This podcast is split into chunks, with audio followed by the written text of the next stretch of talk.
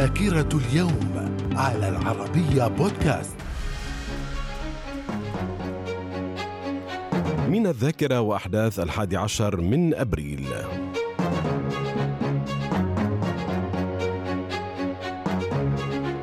ماذا حدث في مثل هذا اليوم 11 أبريل؟ في العام 1814 نابليون بونابرت يتنازل عن العرش للمرة الأولى.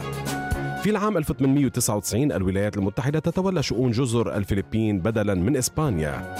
في العام 1919 تأسيس منظمة العمل الدولية. في العام 1932 نجاة رئيس المجلس النيابي السوري صبحي بركات من محاولة اغتيال في بيروت قام بها طالب سوري في الجامعة الأمريكية. ذاكرة الحادي عشر من أبريل وفي مثل هذا اليوم من العام 1956 الحكومة الفرنسية تقرر إرسال أكثر من 200 ألف جندي من أفراد الاحتياط إلى الجزائر وذلك لكبح الثورة التي كانت تتصاعد بقيادة جبهة التحرير الوطني. في العام 1970 وفي مثل هذا اليوم مركبة الفضاء أبولو 11 تنطلق إلى الفضاء. في العام 1986 مذنب هالي يدخل لمدار يعد أقرب نقطة إلى الأرض. في العام 1990 اتفاق أمريكي سوفيتي على تدمير 8% من مخزون الأسلحة الكيميائية. في العام 1992 وفي مثل هذا اليوم 11 أبريل الجيش الجمهوري الإيرلندي المناوئ للسيطرة البريطانية على إيرلندا الشمالية يفجر قنبلة في حي المال بالعاصمة البريطانية لندن وقد أدى الحادث إلى مقتل ثلاثة أشخاص. في العام 2001 وفي مثل هذا اليوم 10 أبريل الصين تطلق سراح طاقم طائرة طائرة تجسس أمريكية هبطت اضطراريا بعد ارتطامها في الجو مع مقاتلة صينية.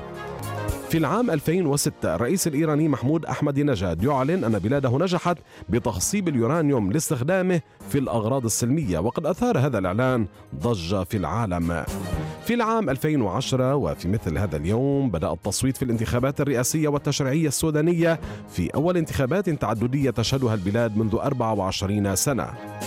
في العام 2011 عملية عسكرية تؤدي إلى اعتقال رئيس كوديفوار السابق لوران غباغبو وتسليمه إلى سلطات الرئيس المنتخب الحسن واتارا في العام 2016 مجلس الوزراء السعودي يعيد تنظيم عمل هيئة الأمر بالمعروف والنهي عن المنكر وذلك عبر الحد من صلاحياتها التنفيذية ودفعها إلى التنسيق والتعاون مع أجهزة الأمن الداخلي السعودية الأخرى.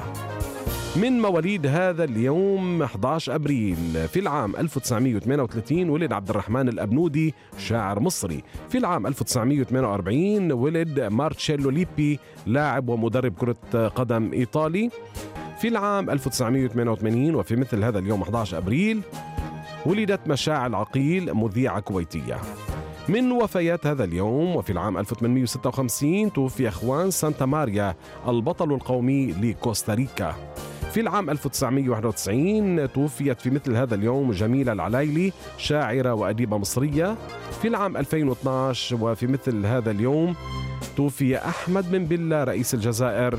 وفي مثل هذا اليوم من العام 2015 توفي أحمد الصالح ممثل كويتي. من الذاكرة من الذاكرة.